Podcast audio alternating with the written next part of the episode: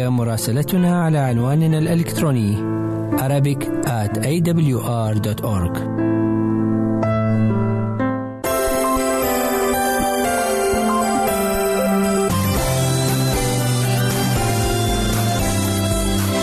أنتم تستمعون إلى إذاعة صوت الوعد. قال السيد المسيح أحبوا أعداءكم فمن ذا الذي يستطيع أن يحب عدوه أو مبغضيه. فهل كان السيد المسيح يطلب منا شيئا. لا نستطيع ابدا أن نفعله؟ وإن كانت الإجابة لا فكيف نستطيع أن نفعله؟ وكيف نستطيع أن نتغير لنحب أعداءنا؟ هذا هو موضوع اليوم فابقوا معنا.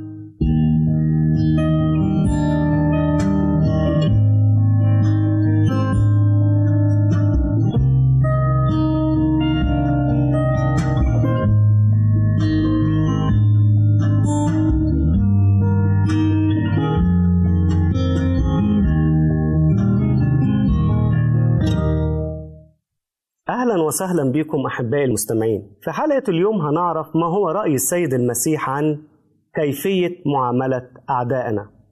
الناس اللي بيكرهونا إزاي نتعامل معاهم؟ الناس اللي بيحاولوا إيذائنا الناس اللي بيحاولوا مضايقتنا. إيه هي الحدود اللي سمح بيها السيد المسيح في المعاملة؟ هنقرأ من إنجيل متى إصحاح خمسة من عدد 38 يقول السيد المسيح سمعتم أنه قيل عين بعين وسن بسن. وأما أنا فأقول لكم لا تقاوموا الشر بل من لطمك على خدك الأيمن فحول له الآخر أيضا. ومن أراد أن يخاصمك ويأخذ ثوبك فأترك له الرداء أيضا. ومن سخرك ميلا واحدا فاذهب معه اثنين. من سألك فأعطيه. ومن أراد أن يقترض منك فلا ترده. سمعتم أنه قيل تحب قريبك وتبغض عدوك. وأما أنا فأقول لكم أحبوا أعداءكم باركوا لاعنيكم احسنوا إلى مبغضيكم وصلوا لأجل الذين يسيئون إليكم ويطردونكم. لكي تكونوا أبناء أبيكم الذي في السماوات فإنه يشرق شمسه على الأشرار والصالحين ويمطر على الأبرار والظالمين. لأنه إن أحببتم الذين يحبونكم فأي أجر لكم؟ أليس العشارون أيضا يفعلون ذلك؟ وإن سلمتم على إخوتكم فقط فأي فضل تصنعون؟ أليس العشارون أيضا يفعلون هكذا؟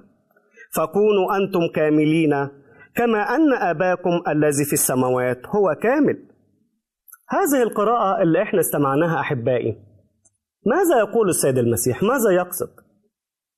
هل بيقصد أن شريعة العهد القديم كان فيها عيب؟ لما قال سمعتم أنه قيل؟ تأكيد لا لأننا نعرف أن مبدأ المعاملة بالمثل ده كان موجود حتى قبل كتابة العهد القديم قبل كتابة الكتاب المقدس وفي الآثار وجد أن قانون حمورابي أعطى قانون مثل هذا بس قال في إيه؟ تعالوا نشوف حمورابي قال إيه؟ إن لو قلع رجل فقير عين رجل نبيل فيجب قلع عين الرجل الفقير ماشي لحد كده؟ ماشي لكن لو قلع رجل نبيل عين رجل فقير فيعوضه بوزنة فضة يعني إيه؟ يعني بس مجرد المعاملة بالمثل إذا الفقير هو اللي اعتدى على الغني يبقى لازم الفقير يدفع المعاملة بالمثل. لو هو قلع عين واحد غني لازم يتقلع له عين. لكن إذا الغني هو اللي قلع عين الفقير لا في الحالة دي يديله مكانها إيه فضة. فقانون المعاملة بالمثل موجود ولكن في تمييز هنا في قانون حمورابي. طب هل شريعة العهد القديم اللي موجود فيها هذا القانون تعالوا نقراه موجود في خروج 21 من 23 إلى 25 الرب بيقول إيه؟ وإن حصلت أذية تعطي نفسا بنفس وعينا بعين وسنا بسن ويدا بيد ورجلا برجل وكيا بكي وجرحا بجرح وردا برد يعني قانون المعاملة بالمثل. ابتدأ البعض يظن إن هذا القانون لا يصلح. وإن السيد المسيح جاء ليلغي هذا القانون. وحتى في وعاظ كتير لما يجي يوعظوا يقول إحنا دلوقتي ما بنقولش عين بعين. فعلا إحنا ما بنقولش عين بعين. بل هل بس هل معنى ذلك إن كان القانون ده خطأ؟ ابدا. لأن ربنا هو اللي وضعه. وكان ليه حكمة عظيمة جدا جدا. القانون ده وضع لظروف معينة وكانت مهمة إنها تكون موجودة. إيه هي؟ الظروف دي.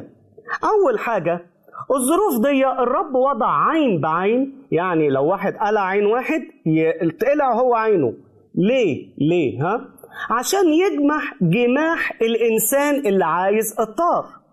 ما ننساش إن في زمن السيد المسيح وقبل زمن السيد المسيح وزي وقتنا الحالي القبلية موجودة التعصب موجودة. فلو واحد من قبيلة اتضر أو اتصاب القبيلة التانية مش هتستنى لحد ما تاخد نفس الأذية عين بعين لا ده بالعكس ده لو واحد اتقلع له عين من فريق هيروحوا يقتلوا الفريق التاني أو القبيلة التانية. وعشان ربنا يجمح هذا الغضب الشرير قال لا إن العين قدامها عين مش أكتر من كده. العين قدامها عين مش واحد فقع عين أو قلع عين تروح أنت قلع له الاثنين لا ما ينفعش. عين بعين لو سنة بسنة مش بسنتين. ليه؟ هنا كنترول أو تحكم على الغرائز البشرية لكي لا يصل روح الانتقام إلى أبعد من ذلك. مش كده وبس. الحاجة الثانية المهمة إن هذا القانون كان لا ينفذ بالشخص نفسه. يعني اللي اتأذى مش هو اللي يعمل القانون مش هو اللي ينفذه. كان القاضي هو اللي بيعمل هذا الشيء المجتمع المدني الحكومة وإلا كان هيسود قانون الغابة بين الناس وبعضيها وكل واحد ياخد حقه بدراعه بالعافية هيكون مش مجتمع مدني متحضر. وده اللي رفضه ربنا. مفيش انتقام للنفس في حكومة هي اللي تنتقم وتنفذ القانون. ثانيا القانون ده ما كانش زي قانون حمورابي. اللي هو بيميز بين الغني والفقير. إذا الفقير هو اللي غلط يتعاقب بنفس الغلطة. إذا الغني هو اللي غلط لا يدفع فلوس ويتعوض عن الغلطة اللي عملها. ولكن كانت بتساوي بين الفقير وبين الغني على حد سواء. وهنا بنلاقي إن حتى العهد القديم زي بعض الناس بيعتقدوا إنه ما فيهوش رحمة ما فيهوش محبة في سفك دم. لكن الحقيقة غير كده. لو قرينا العهد القديم هنلاقي فيه آيات كثيرة بتحث على الرحمة والمحبة. ناخد مثلا آيتين. الآية الأولانية في أمثال 25 بيقول سليمان الحكيم إن جاع عدوك فإطعمه خبزا وإن عطش فإسقه ماء فإنك تجمع جمرا على رأسه والرب يجازيك. ها؟ إن عطش عدوك اعمل إيه؟ وكله شربه. ها؟ اديله. ليه؟ لأن الرب هيجازيك خير على معروفك ده مع مين؟ مع العدو مش مع الصديق. نقرأ في خروج 23 4 و5 بيقول إيه الرب؟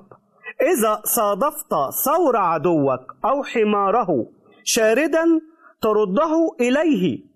إذا رأيت حمار مبغضك واقعا تحت حمله وعدلت عن حله فلا بد أن تحل معه. هنا بيقول لو انت شفت واحد بيكرهك وعنده حمار والحمار وقع أو السور تايه أو كذا يعني محتاج لمساعدتك ساعده برغم انه بيكرهك. يبقى اذا كان في رحمة ولا لأ؟ يبقى كان في حب ولا لأ؟ كان في. طيب لما السيد المسيح قال سمعتم أنه قيل وأما أنا فأقول. هل معنى كده إن كان في حاجة وأنا لغيتها؟ لأ ابدا. لأن الكتاب المقدس من أول التكوين لحد سفر الرؤيا هو كتاب واحد. 66 سفر سلسلة متصلة بعضها ببعض. نحتاج من البداية إلى النهاية فكل الكتاب هو موحى به من الله. كل ال 66 سفر هو موحى بها من الله. مفيش فرق بين الأصفار. فلا يوجد ناسخ ومنسوخ في الكتاب المقدس. الحاجة التانية يا أحبائي لما بيتكلم معهم بيقول لهم سمعتم يعني أنتم ما قريتوش. وقيل يعني مش مكتوب. طب إيه اللي كتب هنا أو اتقال هنا غلط؟ قيل تحب عدوك أو تحب قريبك. دي صحيحة؟ آه. الكتاب المقدس قال تحب قريبك مثل نفسك. طيب تبغض عدوك. موجودة فين في الكتاب المقدس؟ مش موجودة. مفيش آية في الكتاب المقدس كله بتقول ابغض عدوك. مفيش آية بتقول كده. أمال جت منين ابغض عدوك دي؟ من التعاليم اللي رجال الدين حطوها. استنتجوا بما إن ربنا قال حب قريبك يبقى العكس بتاعها إيه؟ ابغض عدوك. لكن هل ربنا قال كده؟ لا ده كلام زيادة. ده كلام ربنا لم يقوله ولم ينادي به. وما لغاه الرب هو تعاليم الناس. أنا ما قلتش ابغض عدوك. أنا ما قلتش ابغض عدوك. ابغض عدوك دي أنتوا اللي حاطينها من عندكم لا توجد في الكتاب المقدس. أنا اللي بلغي دي, دي. الرب يسوع هو اللي بيقول هذه الكلمة. طيب وحاجة تانية. لما السيد المسيح بيقول سمعتم أحبوا أعداءكم بيتكلم بعد كده إن حب قريبك وابغض عدوك أما أنا فأقول لكم أحبوا أعداءكم. كان بيقصد إيه؟ كان بيقصد إن القانون المدني بيدي الحق للشخص المعتدى عليه الضحية إن هو ياخد حقه وحقه إن هو يأذي الشخص بنفس الأذية بنفس مقدار الأذية اللي هو اتأذى بيها. جه السيد المسيح وبيقول للشخص الضحية طب أنت هتستفاد إيه؟ لو أنت اتقلع لك عين ورحت قلعت لواحد تاني عين إيه هتستفاد إيه؟ هل ده هيرجع لك العين اللي ضاعت؟ ده بالعكس أنت هتأذي واحد تاني. فالأحسن من كده إن أنت ترتقي فوق القانون المدني وإن يبقى ليك الحق ولا تستخدم هذا الحق. إن أنت يبقى ليك الصلاحية ولا تستخدم هذه الصلاحية. إن أنت يبقى في إيدك إن أنت تطلب ولا تأخذ شيئا ويبقى أنت في الحالة دي ارتفعت بالسمو الروحي بتاعك من مرتبة الانتقام الشخصي إلى مرتبة إن أنت السماح والغفران. وده أعلى درجات الإنسانية. إن الإنسان يكون عنده قدرة إنه يسامح ويغفر اللي أساء إليه. فإذا هنا الموضوع مش موضوع ناسخ ومنسوخ آه المسيح جه لغى اللي قبل كده ولكن هو بيتعامل مع قانون وضعي مع قانون مدني مع قانون المحاكم وبيقول للشخص الضحية أنت ليك الحق تطلب ولكن ما تستخدمش هذا الحق. ليه؟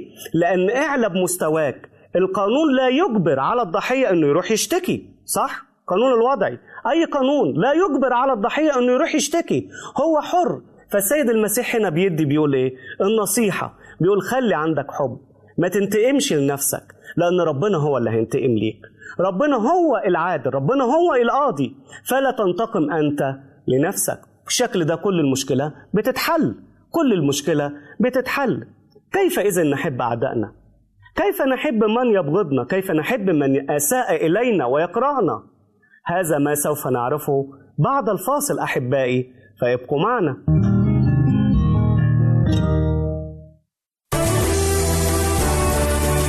أنت تستمع إلى إذاعة صوت الوعد.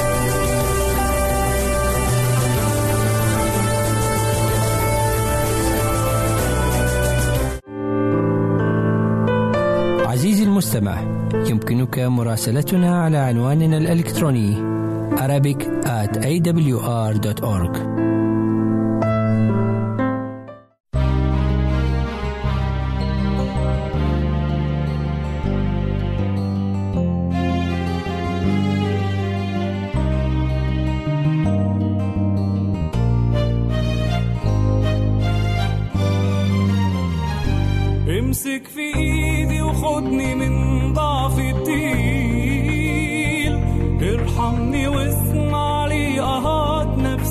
وشيل.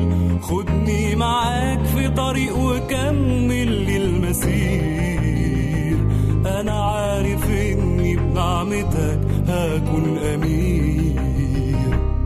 وسط همي بنطرح قدام صليبك. عارف إني مش هكون إلا حبيبك. وسط همي بنطرح قدام صليبك عارف إني مش هكون إلا حبيبك. وأجي وأنا كلي خجل أمسك في طوبك. شايف عيون مكتفاني أمشي في طريقك. وسط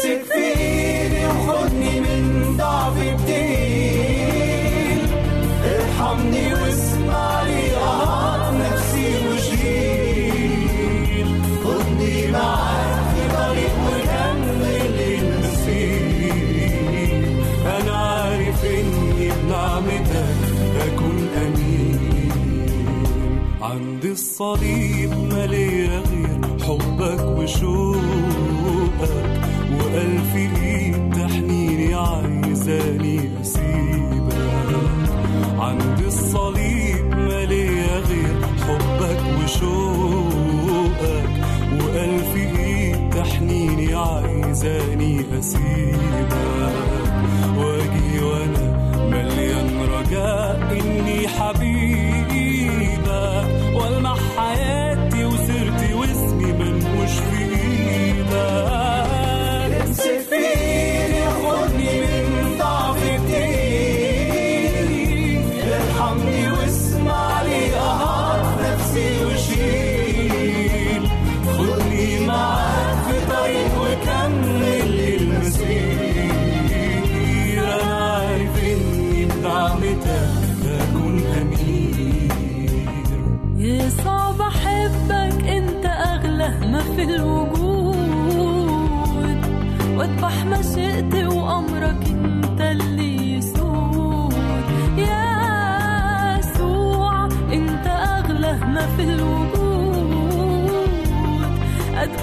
مشيئتي وأمرك انت اللي يسود وأنا واثق اني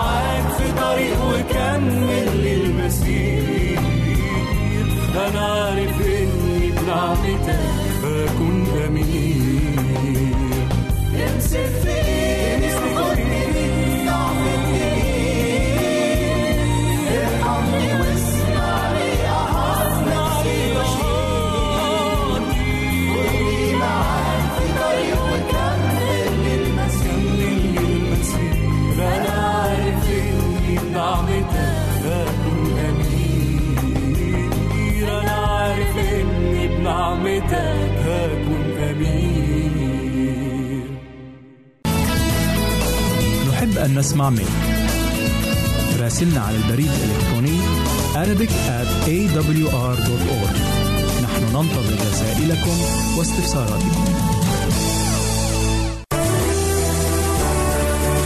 أنت تستمع إلى إذاعة صوت الوعد.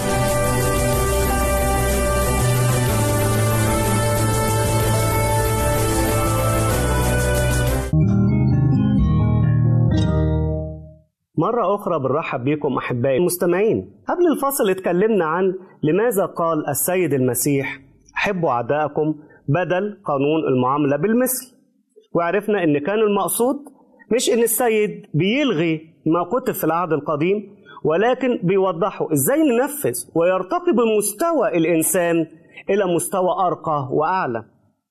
السيد المسيح لما اتكلم قال أحبوا أعداءكم باركوا لعينيكم احسنوا إلى مبغضيكم وصلوا لأجل الذين يسيئون إليكم ويطردونكم. وهنا بنلاقي إن المحبة تدريجية وإن السيد المسيح له المجد عندما تحدث عن المحبة لم يقل إن المحبة مجرد مشاعر أو كلمات لا. وهنا ابتدى إن هو يرتقي بالإنسان من مرحلة أقل إلى مرحلة أعلى.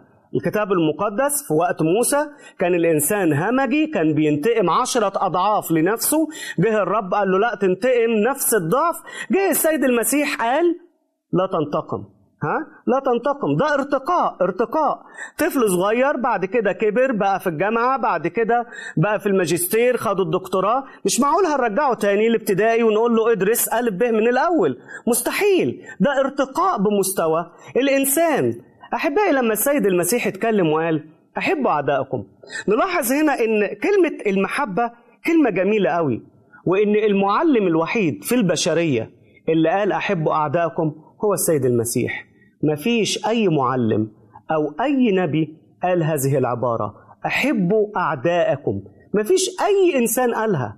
ليه؟ لأنها مش من السهل جدا إنها تتقال. مش من السهل أبدا إن حد يسمعها. لازم اللي يقولها يكون عنده سلطان يقولها وهو نفسه يكون عايشها. بس مفيش قائد أحب عدو أبدا. مفيش ولا معلم ولا نبي أحب أعداءه أبدا إلا السيد المسيح. وعشان كده هو قال أحبوا أعداءكم. الحب. الحب بيكون بإيه؟ نلاحظ هنا التدريج في الكلام. الحب يكون بالقلب. أحب عدوك. خلي قلبك صافي من ناحيته. خلي قلبك نقي من ناحيته. ما تشيلش جوه قلبك ضغينة ليه. سامح واغفر اللي هو عمله ليك وخلي السلام يكون موجود في قلبك. بعد ما بيقول أحبوا أعداءكم يقول باركوا لعينيكم. إيه باركوا لعينيكم؟ اللي يلعنك أنت ترد عليه بالإيه؟ بالبركة. المحبة بالقلب بس البركة بالإيه؟ باللسان. مظبوط. وهنا يعني الإنسان اللي يتشتم لا تجازي شتيمة بشتيمة أو شر بشر. إذا اتشتمت إذا لعنت قول ربنا يباركك. قول كلام حلو للي قدامك. قول كلام يرفع من روحه المعنوية.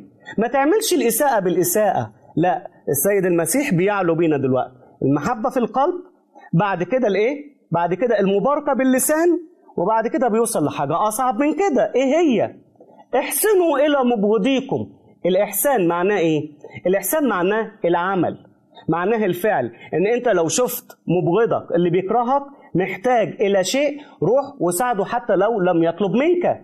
لو شفت الإنسان اللي عدوك وبيكرهك في أزمة أقف جنبه وساعده. إحسن إليه إحسن إليه بالتصرفات بالفعل ولا تكتفي فقط بالمحبة والشعور الداخلي. وإيه تاني بعد كده؟ يقول بقى السيد المسيح اللي أرقى من كده.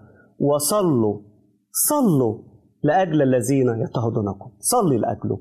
ودي أصعب حاجة إن أنت تيجي قدام ربنا وتقول يا رب بارك فلان اللي شتمني. يا رب اغفر لفلان اللي قال عليا كلام سيء. يا رب سامح فلان اللي كان سبب رفضي من الشغل. يا رب اغفر للي أذى عيالي. صعبة ها؟ لأنك أنت عارف إن أنت بتتكلم مع ربنا. وربنا فاحص قلبك. فلما هتصلي لأجل عدوك في الحقيقة أنت بتشفي نفسك قبل ما بتشفي عدوك. أنت بتشفي قلبك. بتشفي مشاعرك من جوه. لأن الرب بيكون شايف اللي أنت بتقوله. ولما يبقى عندك القدرة إن أنت تطلب الخير قدام ربنا لعدوك اللي بيكرهك هتشفى. وتحس بالسلام جواك. وعشان كده السيد المسيح جابها بالتدريج. أحبوا اعدائكم بالقلب. باركوا لعينيكم باللسان. احسنوا إلى مبغضيكم بالعمل والتصرفات. صلوا لأجل الذين يسيئون إليكم ويطردونكم. وانت قدام ربنا في المحضر المقدس الطاهر المبارك صلي واطلب ليه الغفران واطلب ليه إن هو يكون في أحسن حال. السيد المسيح نفسه وبخ مرة يعقوب ويوحنا لما أرسلهم في مكان عشان يبشروا باسمه هناك الناس رفضوهم رجعوا للسيد وقالوا له رفضونا. تطلب نار من السماء تحرقهم؟ قال لهم أنتوا مش عارفين أنتوا بتقولوا إيه. من أي روح أنتما؟ أنا لم آتي لأهلك. أنا جيت عشان أخلص. أنا مش جاي عشان أموت ناس. اللي يقبلني أخليه يحيى واللي ما يقبلنيش أجيب له نار من السماء تموته. لا لا لا. ده مش أسلوب ولا روح السيد المسيح. وقال حاجة يمكن من الحاجات الغريبة الصعبة الفهم شوية. لما بيتكلم السيد المسيح عن محبة الأعداء بيقول لنا فكونوا أنتم كاملين كما أن أباكم الذي في السماء هو أيضا كامل. ونيجي هنا نقول الآية دي معناها إيه؟ الواحد كده لما يقعد يفتكرها ويفكر فيها يستغرب يعني إيه نكون كاملين كما أن أبانا يعني كما أن الله كامل؟ أنا كإنسان أبقى كامل مثل الله؟ استنتج بعض الناس استنتاجات غريبة من هذه الآية. البعض قال يبقى لازم نعيش بلا خطية ونبقى كاملين يعني بيرفكت معصومين من الخطأ. لا يمكن أن نفعل أي خطية أبدا. وصلوا تخيلات كتيرة قوي. لكن السيد المسيح ما كانش بيقصد الكلام ده ابدا. السيد المسيح كان بيقصد معنى تاني جميل جدا جدا يتناسب مع محبة الأعداء. إيه هو المعنى ده؟ الكلمة في الأصل كامل معناها ناضج ناضج. النضوج يعني إيه النضوج؟ إن إنسان بيفكر صح إن إنسان بيتخذ قرار صح إن إنسان عارف بيعمل إيه ده النضوج ده النضوج طب إزاي أبونا السماوي ناضج معانا كامل معانا في فكره هل إحنا لم نخطأ في حق الله؟ إيه كتير مين فينا لم يخطأ في حق الله؟ مين فينا أرضى الله في كل شيء؟ مين فينا لم يفعل خطية؟ من منا لم يفعل شر؟ من منا لم يتكلم كلمة رديئة؟ من منا لم ينظر نظرة شريرة؟ من منا لم يأخذ حاجة الآخر أو مال الآخر؟ من منا لم يرتكب شر واحد في حياته؟ وبالرغم من كده هل ربنا بيعاملنا حسب معاملتنا؟ لا. لا لا. ربنا إحنا إحنا بنسيء إليه وهو بيحسن إلينا.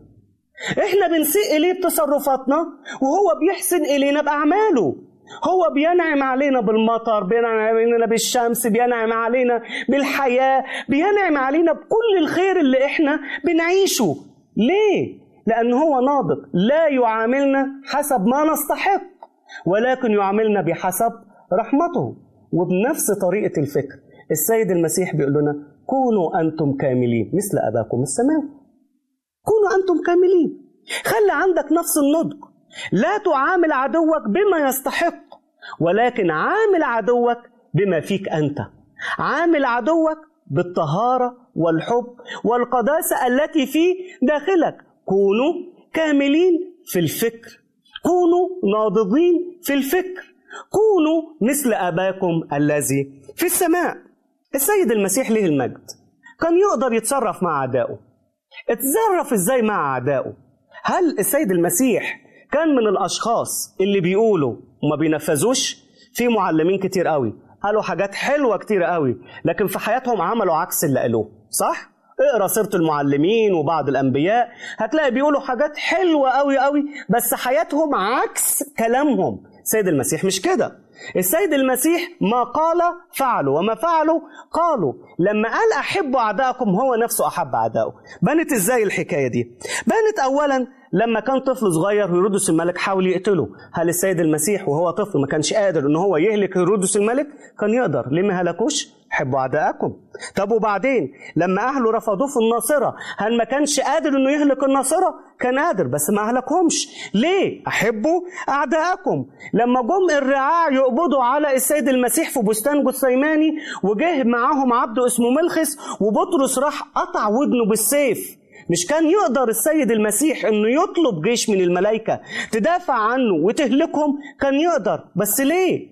أحبوا أعدائكم عمل إيه مع ملخس العبد اللي جاي يقبض على السيد المسيح راح جاب الودن المقطوعة لحمها تاني عمل له أسرع عملية جراحية في الكون كلها شفيت ورجعت زي الأول تماما. أحبوا أعدائكم. قال وفعل.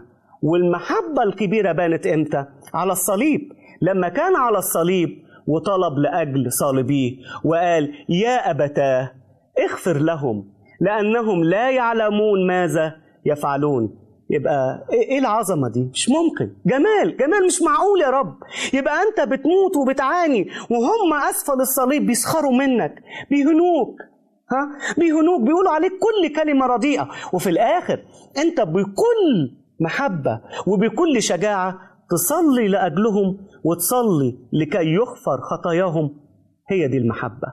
المحبة اللي بتنسى ما للذات وتطلب ما للآخرين. وعشان كده ما نستغربش إذا كان في تلاميذ المسيح اتبعوا مثاله. واحد زي إستفانوس وهو بيترجم من اليهود يرفع عينه للسماء ويقول يا رب لا تقم لهم هذه الخطية. أهو ده إنسان جاب المحبة دي منين؟ بقى واحد قاعد يرميك بحجر وبيموتك وبدل ما تدعي عليه تدعي له ها؟ بدل ما تطلب النقمة تطلب البركة ليه؟ وتقول له يا رب سامحهم ما تحسبلهمش الخطية دي. هي دي المحبة اللي علمها لنا السيد المسيح. أحبائي قد تكون المحبة شيئا صعب ولكن ليس على الرب شيء صعب. قد لا يستطيع الإنسان العادي أن يحب القريب فكيف له أن يحب العدو؟ ولكن الإنسان الذي سمح لروح الله القدوس وسمح للسيد المسيح أن يمتلك قلبه هذا الإنسان وحده هو يستطيع أن يحب أعدائه يستطيع أن يغفر. فلماذا لا نفكر في أعدائنا الآن؟ ليس كأعداء ولكن كأناس ضعفاء يحتاجون إلينا ويحتاجوا إلى من يصلي لأجلهم. لماذا لا تذهب وتنهي خصومتك مع الآخرين؟ لماذا لا تصلي لأجل الآخرين؟ إن كان في قلبك كره إن كان في قلبك عداوة فأنا أدعوك أخي الحبيب وأختي الحبيبة أن نحن رؤوسنا الآن أمام الرب. لنطلب الصفح والغفران لكل من يعادينا وأن نصبح أصدقاء ونقضي على كل عداوة. فدعنا نصلي معا. إلهنا الحبيب نشكرك من كل القلب. نشكرك لأنك أنت الذي علمتنا كيف نحب أعدائنا ولم تعلمنا فقط ولكن أعطتنا القوة لكي نحب من يكرهنا ويسيء إلينا. فساعدنا دائما يا رب لنحتفظ بمحبتك في داخل قلوبنا.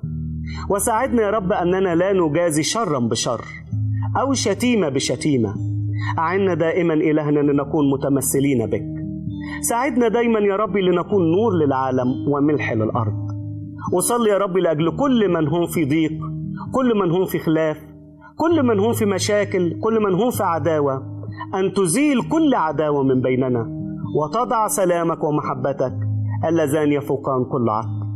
أطلب كل هذا في اسم من خلصنا وفدانا يسوع المسيح ولك منا كل الإكرام والمجد. آمين.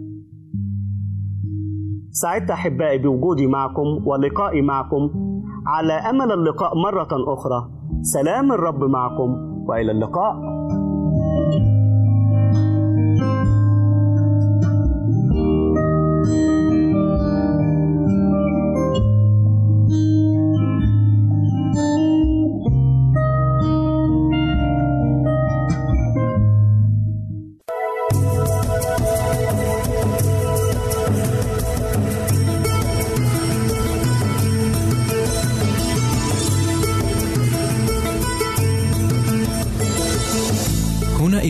صوت الوعد.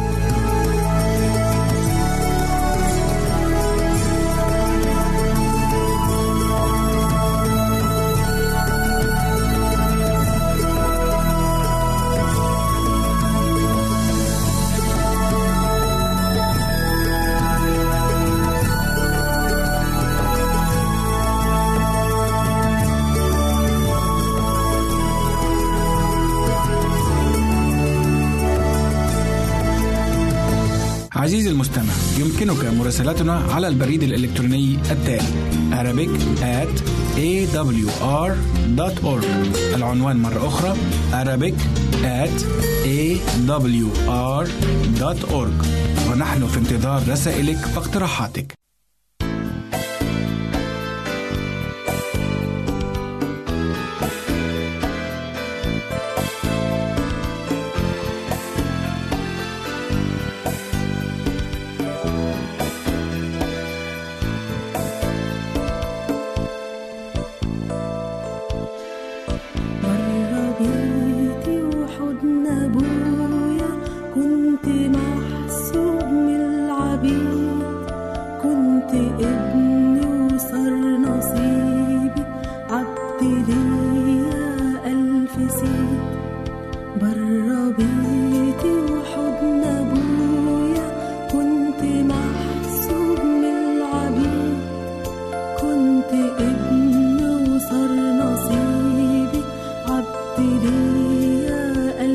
نسيت صرت بدد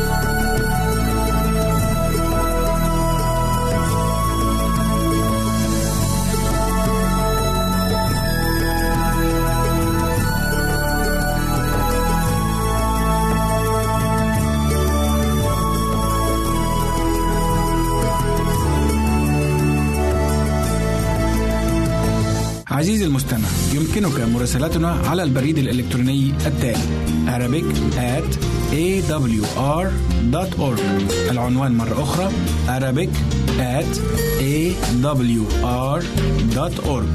ونحن في انتظار رسائلك واقتراحاتك. مستمعينا الأعزاء نرحب بكم في برنامجكم الصحي أضواء على الصحة. وموضوع هذه الحلقة بعنوان أنواع نزف الدم.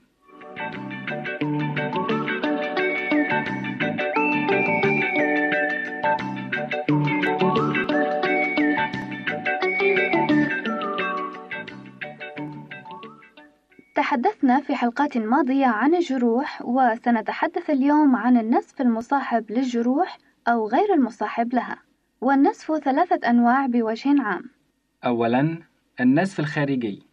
في النزف الخارجي تتسرب الدماء إلى الخارج وذلك عندما تتمزق مجموعة من الأنسجة نتيجة جرح أو سحق أما في النسف الداخلي فيتسرب الدم من أوعية الدم إلى الأنسجة أو إحدى تجويفات الجسم. وقد ينزف الشخص حتى الموت نتيجة نزف داخلي حتى ولو لم تتسرب نقطة دم واحدة إلى الخارج. وقد يخسر المرء حوالي لتر ونصف من الدماء ويظل مع ذلك حيا. ولكن إذا قطع شريان كبير وكان النزف سريعا فإن كمية الدم هذه لا تستغرق خسارتها وقتا طويلا. ولذلك يجب أن تكون معالجة النزف فورية. دلائل عامة على النزف. عندما يخسر الجسم كمية كبيرة من الدم تحدث علامات وأعراض معينة منها الإغماء والعطش المفاجئ والدوار والرطوبة والبرودة في الجلد والتنفس السريع والقلق والنبض السريع والضعيف وغير المنتظم. وأخيرا تضخم بؤبؤي العينين. وفي بعض الأحيان تكون الصدمة فضلا عن العلامات المذكورة أعلاه. وتكون هذه الصدمة هي الدليل الوحيد على النسف الداخلي. في حالة تقديم المساعدة لشخص مصاب بالنزف الخارجي يفحص الشخص المصاب في أقرب وقت ممكن لتحديد ما إذا كان قد خسر دما. وتنزع الثياب عن أجزاء الجسم التي يرى الدم ينزف من خلالها كما يتوجب اتباع الخطوات التالية. أولا اضغط ضغطا مباشرا على موضع النزف. ضع كمادة شاش معقمة مغسولة أو فوطة صحية نظيفة أو قطعة قماش مغسولة حديثا على الجرح وثبتها. ولا تضغط إلا بالقدر الكافي لإيقاف النزف لأن الإفراط في الضغط قد يعيق سريان الدم في أجزاء الجسم الأخرى. فإذا أوقف الضغط النزف ضع ضمادة على الكمادة لتثبيتها في مكانها حتى وصول المصاب إلى المستشفى. لكن عندما لا يؤدي الضغط إلى السيطرة على النزف اتبع التعليمات التالية. لإيقاف النزف الغزير من الذراع أو الساق أو الوجه اضغط عميقا على الشريان الرئيس الذي يمد الجزء المصاب بالدم ويمكن سد الشريان الرئيس الذي يزود الفخذ والساق بالدماء باستعمال الضغط بقوة وبعمق على أصل الفخذ. أما الشريان الذي يمد الذراع فيمكن سده بواسطة الضغط بقوة على أعلى الذراع عند مستوى الإبط مباشرة. وأما الشريان الذي يمد الوجه فيمكن سده عن طريق الضغط إلى الخلف وإلى الأعلى في العنق على طول خط يمتد بين الحنجرة والعضلات التي تدير الرأس. ويمكن إيقاف النزف من أحد جانبي الجبين عن طريق الضغط مقابل الجزء الأعلى من الأذن. ثالثا استعمل عصابة شديدة لوقف النزيف كمحاولة أخيرة عندما لا يمكن السيطرة عليه من الذراع أو الساق بطريقة أخرى. على أنه يجب التنبه إلى أن استعمال العصابة القوية قد يؤدي إلى عطل دائم في الذراع أو الساق وربما أدى إلى ضرورة بترها. ولكن إذا كان النزف شديدا ومهددا مهددا للحياة فالمخاطرة ببطر عضو أخف من المخاطرة بترك المصاب ينزف حتى الموت. بعد هذا تلف ضمادة قماش بعرض 8 إلى 10 سنتيمترات وبسماكة أربع طبقات حول الذراع أو الساق النازفة بين موضع النزف وقلب المصاب وأقرب ما يكون من موضع النزف. وتعقد هذه الضمادة يوضع قضيب قصير قوي أو ما يشبه فوق العقد ويربط بعقدتين أخريين ثم يبرم القضيب حتى يتوقف النزف. حينئذ يربط أحد طرفي القضيب أو كلاهما بالذراع كي لا ينفك اترك مع المصاب ملاحظة خطية تحدد الوقت الذي تم فيه ربط العصابة وذلك بغية إرشاد الطبيب أو الممرضة ويمكن تسجيل هذه المعلومات على جبين المصاب بقلم لا تمحى كتابته بسهولة أو بأحمر الشفاه إذا تعذر إيجاد ورقة. رابعاً حاول منع حصول الصدمة أو عالجها إذا حدثت. وكتدبير احتياطي ضع المصاب في وضع الاضطجاع وأبقه مرتاحا ودافئا. وإذا كان النزف من الذراع أو الساق ارفع الطرف النازف بغية تخفيض ضغط الدم فيه وبالتالي تسهيل السيطرة على النزف وإذا كان المصاب واعيا شجعه على تناول السوائل بواسطة الفم. وتجنب إعطائه القهوة أو أي منبه آخر من شأنه رفع ضغط الدم وبالتالي زيادة احتمال النزف.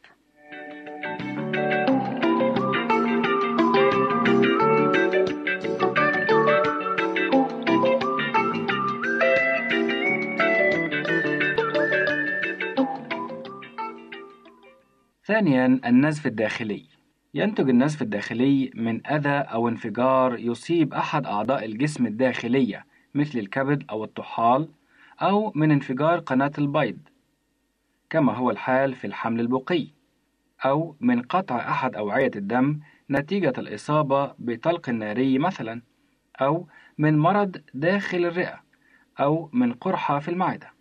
ومع أن العديد من أشكال النزف الداخلي لا تقدم دليلا خارجيا على حدوثها إلا أن بعضها يؤدي إلى تجمع الدم في داخل الجسم قبل أن يطرد لاحقا من خلال إحدى فتحاته. ويؤدي النزف في الرئتين عادة إلى سعال يصحبه دم ناصع بشكل رغوة. كما أن النزف داخل المعدة قد يشير إليه تقيؤ دم أحمر إذا كان النزف حديثا أو أسود متخثر إذا كان قديما. أما النزف داخل الأمعاء فقد يدل عليه البراز الأسود.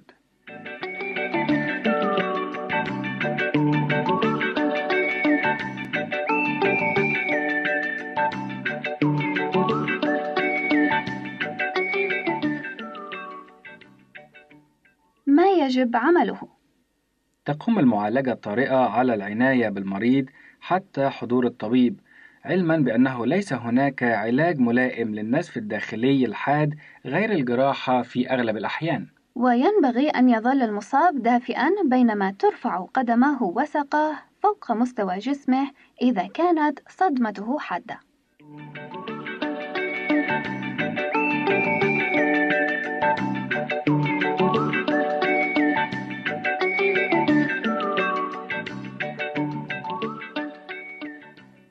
أما النوع الثالث والأخير من النزف فهو النزف من الأنف وأهم أسبابه هي تنفس الهواء الجاف جدا وإزالة الأوساخ من الأنف والتهابه نتيجة الزكام وارتفاع ضغط الدم وبعض الاضطرابات البدنية الأخرى. ولا يعتبر النزف من الأنف إذا أصاب شابا سليما أمرا خطرا في العادة ولكن إذا أصاب شخصا مسنا أو ضعيفا فإنه قد يشكل تهديدا للحياة. ويتوقف النزف عادة في غضون دقائق قليلة إذا عولج بطريقة مناسبة. أما في الحالات المستعصية فقد يستمر طوال ساعات ويتطلب نقل الدم وربط الأوعية النازفة بعملية جراحية. ما يجب عمله؟ أولاً دع المريض يجلس منتصبا ورأسه منحن إلى الأمام وضع وعاء أو أي شيء تحت فمه وأنفه لجمع الدم فيه. ثانيا وبعد ذلك اضغط على الأنف جيدا بالإبهام والسبابة بحيث لا يخرج الدم من الأنف بينما يتنفس المصاب من فمه. فإذا استمر النزف فإن الدم يرجع من الأنف إلى الفم ومن الفم إلى الوعاء. ولذلك يلزم إبقاء المصاب في هذا الوضع طوال خمس دقائق فيتوقف النزف في معظم الحالات. ثالثا وفي حالة النزف المستمر أو المتكرر من الأنف استشر الطبيب أو انقل المصاب إلى غرفة الطوارئ في المستشفى. كنتم مع برنامج أضواء على الصحة وحتى نلتقي في الحلقة القادمة نتمنى لكم كل العافية والصحة ولكم من هنا سليم وسامي سعيد أحلى الأماني وإلى اللقاء. هنا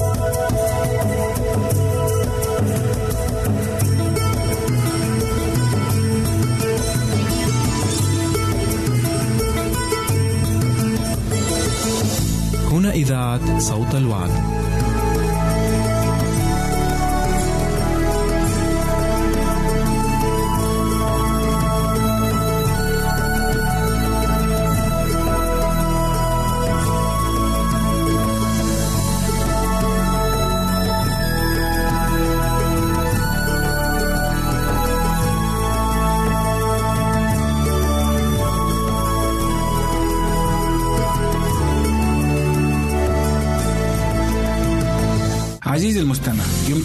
مراسلتنا على البريد الإلكتروني التالي Arabic at awr.org العنوان مرة أخرى Arabic at awr.org ونحن في انتظار رسائلك واقتراحاتك.